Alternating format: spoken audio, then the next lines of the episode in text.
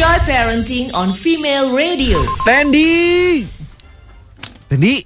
Wah udah nggak ada. Eh Pak ah, jangan bercanda. Suaranya maksudnya. No, Makanya no, gue manggil no. Tendi. Ya manggilnya jangan gitu. Lu manggil gitu kayak manggil bajai tau gak? Ya udah ya. Tendi. No. Lebih jijik kan lo? Enggak gue bilang Serius, gitu. Tendi ah. Seminggu ini kan kita masih akan membahas tentang terminal illness. Ya ini penting banget sih. Nah, seperti yang sudah dijelaskan kemarin, nah salah satu tantangan yang dihadapi oleh orang tua yaitu ketika anak mengalami terminal illness, pastinya gimana untuk menjelaskan kondisi tersebut kepada si anaknya. Iya karena eh, bisa jadi banyak orang tua yang bingung atau dengan alasan nggak tega untuk menyampaikan kondisi Benar. si anak ini dengan eh, si anak tersebut. Wah. Mau pakai alasan apa pun, ini mulutnya kayak kaku gagu pak. Iya. Itu gue bisa bayangin itu sih istilahnya gitu ya dengan eh, apa anak-anak yang menderita atau mengalami satu kondisi sakit yang cukup berat gitu Hmm. kan, nggak tega, bingung, jadinya nutup-nutupi dengan berbagai alasan. Sebenarnya tuh boleh nggak ya pak? Nah. Kalau kita harus begitu, gue nanya ke orang yang tepat nggak?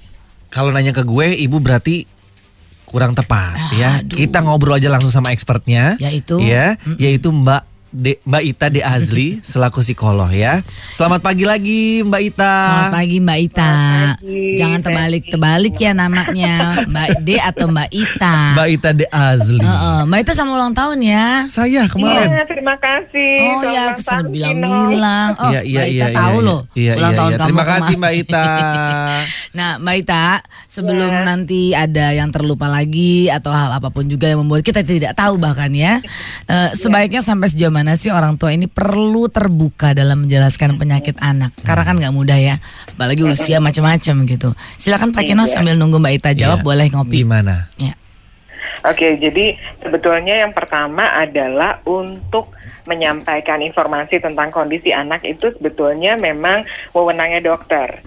Jadi dokter itu memang punya kewenangan untuk mereka menyampaikan breaking bad news namanya gitu ya. Breaking bad news. Ya, gitu. Nah, Dari istilahnya aja kalau- udah nggak sedep gitu ya Mbak. Heeh. Betul, dan itu memang istilahnya dari dokter sendiri ya, gitu bahwa Mm-mm. kalau kita mau menyampaikan kondisi uh, pasien, gitu ya, termasuk pasien anak yang memang uh, kondisinya seperti terminal Iya. illness ini, dibilangnya bad news, gitu. Nah, jadi sebetulnya kalau ditanyakan sampai sejauh mana sih orang tua bisa uh, terbuka gitu ya, menyampaikan ke anak. Hmm. Satu bahwa ya tadi kewenangan menyampaikan informasi itu adalah dari dokter sebetulnya gitu ya. Dan sebaiknya orang tua sebelum nantinya akan disampaikan kepada anak informasi apa pun terkait kondisi kesehatannya dikonsultasikan dengan dokter Oh gitu. sampai detail. Iya, jadi misalnya eh, diagnosanya gitu, kanker otak misalnya Aduh. gitu ya. Jangan sampai maaf ya Mbak.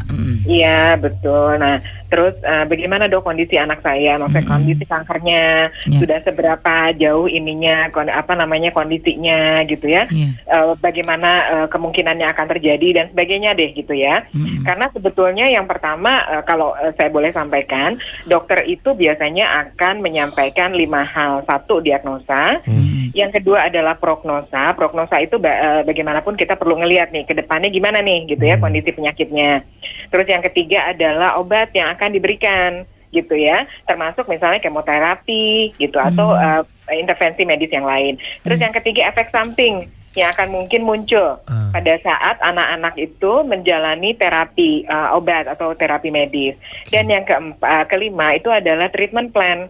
Jadi dokter punya treatment plan atau rencana terapi seperti apa gitu. Itu sebetulnya lima hal penting yang eh, disebutnya sebagai impeccable assessment yang perlu orang tua tahu dan dokter eh, apa namanya sangat berkepentingan untuk menyampaikan. Nah, kalau ini informasi sudah didapatkan, Mm-mm. disiapin deh buat akhirnya eh, menyampaikan ke anak. Tapi perlu dilihat usianya. Nah itu dia. Hmm. Kalau balita Gitu. gitu Mbak. Iya, karena- dulu deh. Betul, karena kalau anak-anak balita misalnya di bawah lima tahun gitu ya, itu juga dilihat kemampuan komunikasinya, bagaimana Iya. selama ini mereka berkomunikasi. Karena dari beberapa pendampingan yang saya eh, apa namanya lakukan, itu ada yang bahkan memang anak-anak itu tidak tahu kondisinya Lagi yang sakit, sebenarnya iya, heeh. Eh, gitu cuma dikasih tahu dek nanti kamu harus eh, kita akan eh, ke, ke dokter tiap minggu ya dek gitu untuk Hmm. Kontrol. kontrol misalnya gitu Mm-mm. terus nanti adek di eh, di apa namanya dikasih obat ini kasih obat itu yang seperti itu gitu ya Perlu nggak dikasih tahu sebetulnya sakitnya tuh gimana Iya. atau disederhanakan dengan usianya Mbak?